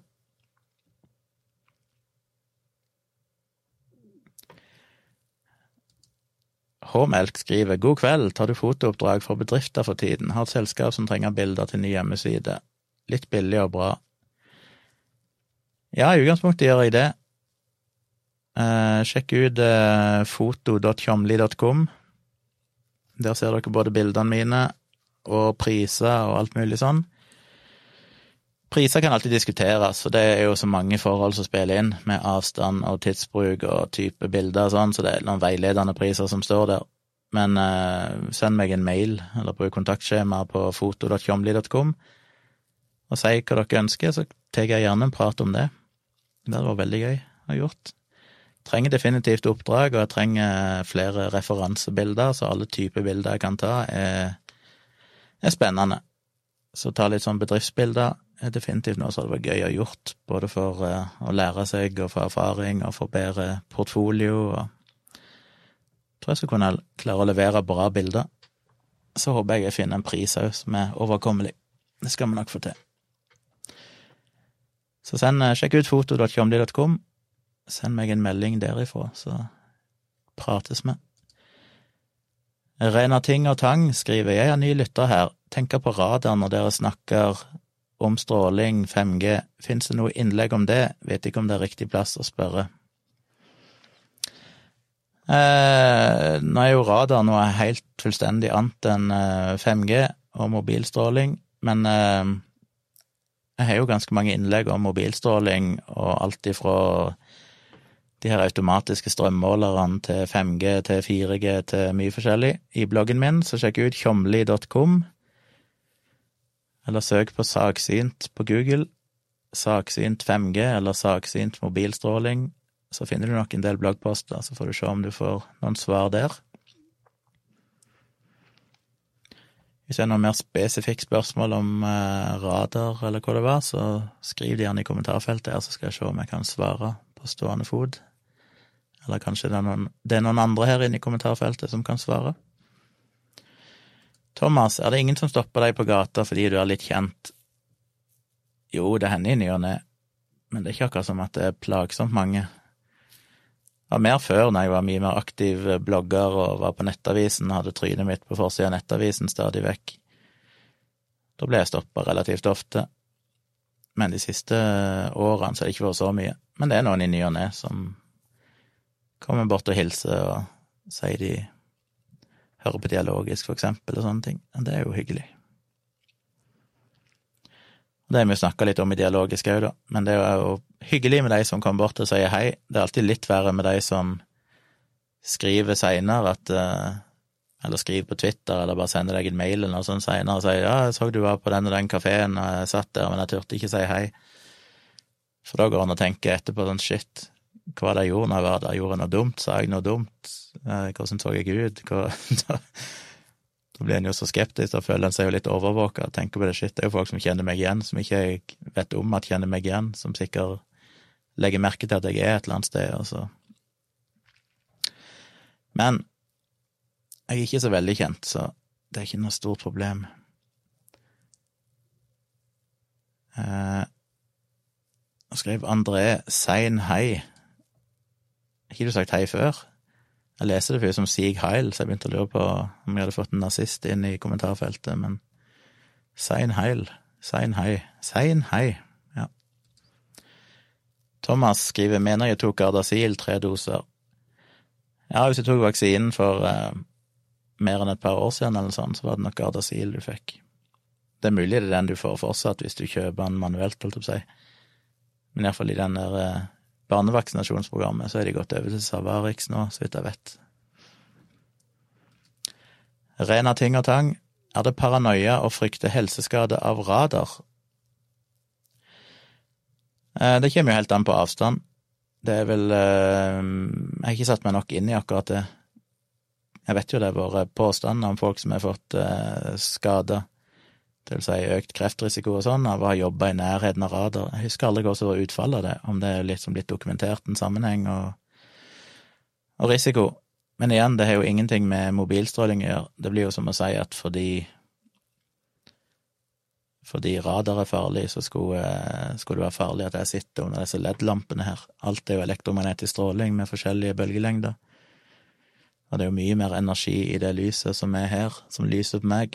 Det er jo tusenvis på tusenvis ganger mer energi i det enn det er i mobilstråling, som jo er ekstremt svak energi. Men det kan du sikkert finne ut av hvis du googler radar og helseskader. Så finner du nok garantert noen artikler om det. Bare pass på at du ikke leser på noen konspirasjonsside eller noe sånt. Sjekk at du finner noe offisiell informasjon fra det som før heter Statens strålevern. Hva er det heter? Um, jeg husker ikke. Direktoratet for eh, atomsikkerhet og stråling, eller et eller annet sånt. Ja, Thomas, Thomas sier radaren kan være svært kraftig, særlig militærradar, fordi den skal rekke svært langt. Det blir noe annet. Så man husker at, at uh, elektromagnetisk stråling uh, synker jo i energi med kvadratet av avstanden, så energien synker jo ekstremt fort etter hvert som du beveger deg vekk fra strålingskilden. Så det er jo noe helt annet å jobbe på en båt, for eksempel, militær båt som er radar, og jobbe nær den, og det å, å være den vanlige person som aldri kommer særlig i nærheten av, et, av en radar.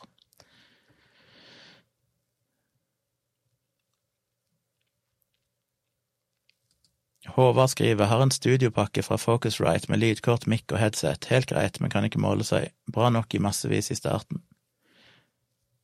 Ja, jeg kjøpte jo nettopp en uh, I tillegg til den ekstra mikrofonen her bak, som er kobla til samme miksebord som jeg har, så rigger jeg opp lyd i studioet til Tone. Hun er et kontor et par rom lenger borte i leiligheten her, og da kjøpte jeg samme mikrofon og sånn, men uh, hun trenger jo ikke noe miksebord og sånn, så der kjøpte jeg òg en sånn Focusrite, uh, sånn liten rød boks, husker ikke hva det heter nå, med to innganger, som basically bare er en digitalt analog konverter, som hun da kan plugge inn i Mac-en sin med USB. Og det er vel samme som Dag bruker. Dag har jo en sånn Focusrite som han bruker til sin uh, Han er samme miks som meg. Men i tillegg så har jeg jo de her som står her bak, en sånn liten boks som heter um, Cloudlifter, som booster signalet en del med 20 dB eller et eller annet sånt, for det er ganske lavt utgangssignal på de her. Så hvis du plugger denne rett inn i miksebordet, så må du kjøre gainen nesten helt på maks for å få nok lyd, og da blir det mye støy. Så du bør med denne mikrofonen, og det gjelder vel med Shure SM7B og sånn òg, de dynamiske mikrofonene, så må du veldig ofte ha en sånn en cloudlifter eller tilsvarende dings. Dag kjøpte en annen eh, Dynamite, et eller annet, som ser litt annerledes ut, men som gjør samme jobben. Så det kan være viktig å huske på, at hvis du sliter med at det er låg lyd, og, og du må gaine det veldig høyt for å få nok lyd, og det da blir litt susing og sånn, så kan du kjøpe en sånn liten booster som er veldig enkel. Det er ingenting å gjøre på den, du bare plugger ledningen i ene enden og ut andre enden. Det er ingenting å stille inn på den, den bare booster signalet, det er alt den gjør. Men har veldig mye å si for lyden.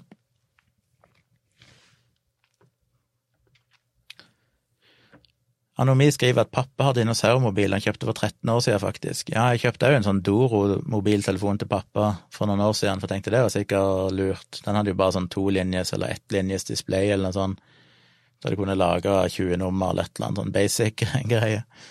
Men det var jo faktisk vanskeligere å bruke enn en iPhone, for det var liksom hvorfor en gang knapper skal du trykke på for å manøvrere i menyen og sånn. Så den ditcha meg ganske fort, og endte opp med å kjøpe en iPhone heller, og det har fungert mye bedre.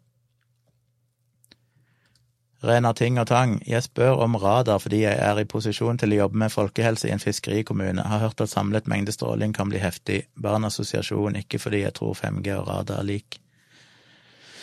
Ja, jeg ser den, men det er temmelig strenge retningslinjer for dette. Hvis det var noe risiko for at du jobba på en måte som gjorde at du ville bli utsatt for doser som var over noen eh, grenser som er lovlige, så ville nok det ikke være mulig med mindre det skjer et eller annet veldig uansvarlig.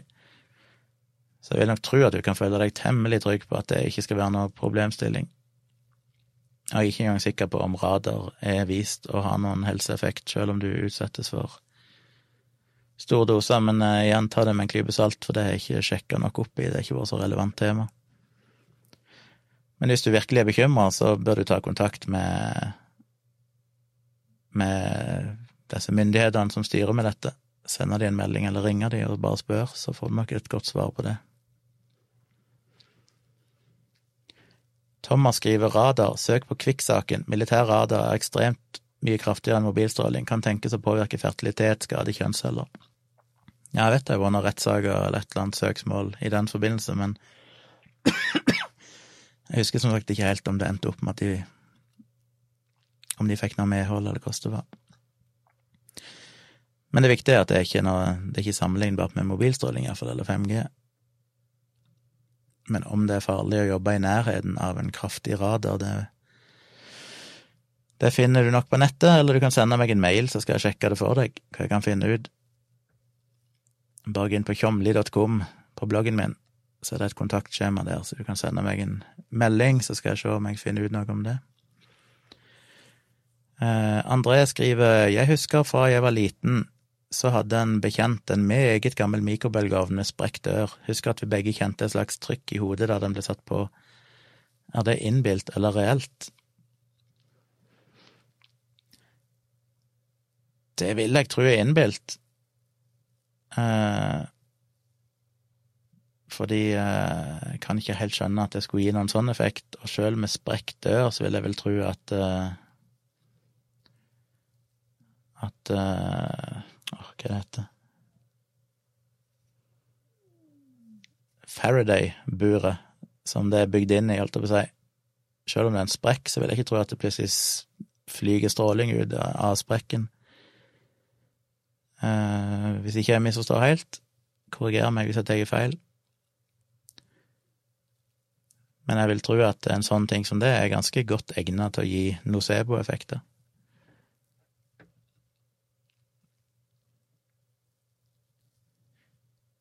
Thomas skriver sjelden folk holder telefonen inntil øret lenger, men bruker handsfree, bare det reduserer eksponering. Er ikke bekymret for det, men ville være forsiktig med radar.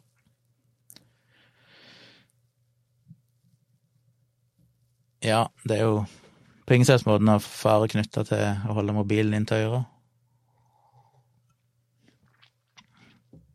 Men Og det er jo egentlig litt av paradokset når folk hevder at det blir stadig mer eh, hjernesvulster av mobilstråling og sånn. For det første så stemmer jo ikke det. Det er gjort flere undersøkelser som har sett på utviklingen av hjernesvulster de siste 20-30 årene, og finner jo ikke at det er noen økning. Så bare der faller jo argumentet litt til bakken. Men det andre er jo det at på tross av at vi har mer mobiltelefoni nå, så er det nok ekstremt mye mindre mobilbruk mot hodet. Ekstremt mye mindre. Eh, folk bruker jo telefonen mye mindre til å ringe nå, tror jeg, enn de gjorde for 15-20 år siden. Så kommer Geir med 10 000 kroner spørsmålet Hva het bandet ditt, og hvor finner jeg UKM-videoen? Bandet mitt het Slickerball. Vi hadde mange navn, men det var det vi opptredde med mest. S-L-I-C-K-E-R-B-A-L-L, Slikkerball. Ikke spør. Og hvor finner jeg UKM-videoen? Ja, den lå på YouTube, men jeg lurer litt på om jeg har tatt den vekk, fordi at uh, jeg la ut noen sånne videoer på min private YouTube-konto som jeg bare bruker til å se på YouTube-videoer med, og etter jeg oppretta mine egne YouTube-kanaler for å publisere videoer, så valgte jeg å fjerne kanalen som var knytta til mitt, min private bruker, fordi folk drev og abonnerte på min private bruker, og det ville jeg ikke, for der legger jeg jo ikke ut noe som var relevant for folk. Jeg tror mange søkte på Gunnar Kjomli YouTube, og så abonnerte de på feil kanal istedenfor tvilsomt med Kjomli. Så for å unngå det, så bare fjerner jeg kanalfunksjonen på, på den, den kontoen min, og da ble jo alle videoene vekke. Det vil si, de ligger der teknisk sett, så hvis jeg reaktiverer den, så blir de synlige igjen. Men per nå så er jeg litt usikker på om, om den finnes på YouTube. Hvis den finnes, er det bare å søke på Slickerball UKM eller noe sånt.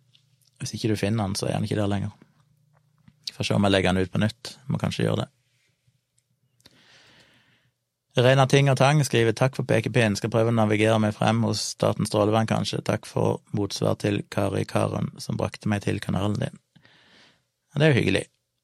Men som sagt, hvis du trenger hjelp, send meg en melding via bloggen min, så skal jeg jo se om jeg kan hjelpe deg med å finne noe informasjon.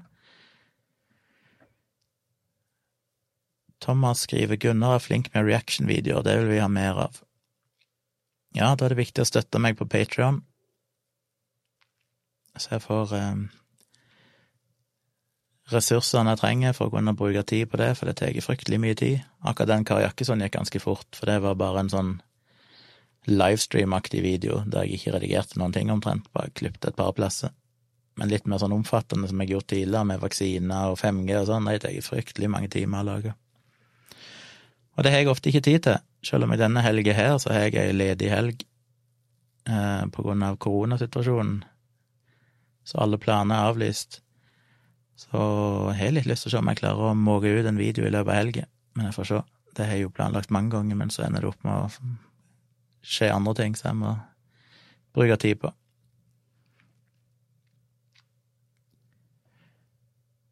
Håvard skriver har det vært snakk om helseskade i sammenheng med Bluetooth, går jo hele dagen på jobb med Bluetooth-headset og hører på podkast.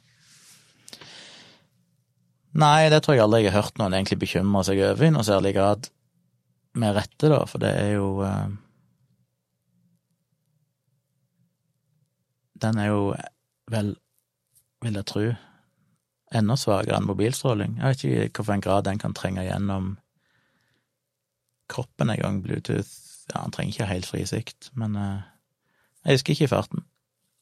Men igjen, det er ingen grunn til å bekymre seg for det, fordi at det er aldri knytta noen helseskader verken til det eller mobilstråling, så eneste som frykter det, eller eneste grunn til å frykte det, er jo fordi det finnes folk som sprer feilinformasjon om det. Men hvis en følger den faktiske vitenskapelige evidensen, så er det per nå ingen gode data som peker i retning at det skulle være farlig.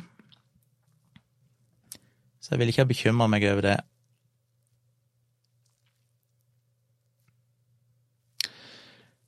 Yes, men dette var gøy. Siden det akkurat nå ble litt stille i kommentarfeltet, så benytter jeg anledningen til å begynne å runde av. Eh, husk å abonnere på denne kanalen, alle som hører på. Det hjelper meg veldig. Husk å dele videoene mine med andre. Det er hyggelig at dere ser de, men eh, trykk gjerne like, og skriv gjerne en kommentar under videoene hvis dere liker de, eller har spørsmål. For alt dere gjør av eh, interactions, det hjelper meg jo med å få boosta rekkevidden. Og det aller gøyeste er hvis dere deler det i sosiale medier. Hvis dere ser noe som tenker 'oi, dette var bra, dette var informativt, det lærte jeg noe av', kopier linken og del den på Facebook eller Twitter eller noe sånt, for det hjelper jo veldig til å spre. Som regel så er det jo viktig at kanskje andre enn dere ser videoene, for det er kanskje andre som trenger det mest. Uh, Eivind skriver på tampen 'Takk for at du henviser meg til Lemino, Gunnar'. Kommer han ikke med ny vits snart? Vurdert å lage lignende dokumentarer selv? Ja, Lemino er definitivt verdt å se. Sjekk ut han på YouTube. Han er jo en stor mengde med superinteressante videoer. Jeg kom mye mindre i det siste, men det er jo ikke så lenge siden han kom med en. Hva er det den handler om nå igjen? Jeg nevnte vel den i tror jeg. Men uh, han kom med en for ikke så lenge siden som var veldig bra. Jeg vet ikke når han kommer med neste, jeg har ikke fulgt med, jeg bare ser av det, så dukker det opp en ny video i feeden min, og det setter jeg pris på. Om jeg har vurdert å lage lignende dokumentarer sjøl, jo, det hadde jo vært en drøm, men det krever forferdelig mye arbeid. Jeg er ikke så flink. Uh, han har jo grafikk og alt mulig fancy stæsj, så han er jo dyktig. Jeg husker ikke helt, jeg leste vel om han, han hadde vel jobba, jeg tror han har jobba med dette, jobba i reklamebransjen eller et eller annet sånt, hvis jeg ikke husker feil. Han har iallfall kompetansen til å lage sånne videoer, det har ikke jeg. Per nå. Alt kan jo læres, men jeg vet ikke om jeg gidder å bruke så mye tid på det.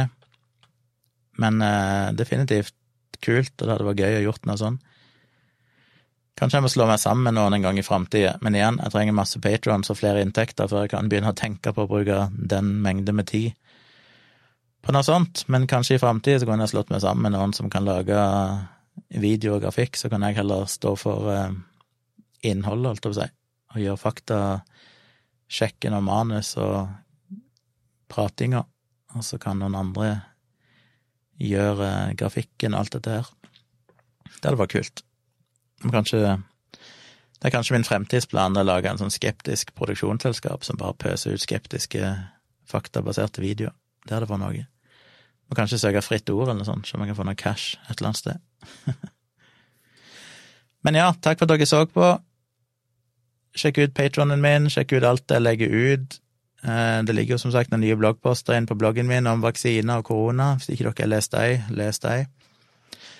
Og så er jeg vel tilbake igjen i morgen med en ny sending på et eller annet tid på døgnet, seint eller nattestid eller noe sånt, for å se. Så jeg håper dere kommer tilbake. Tips gjerne andre om at de òg kan være med og se på.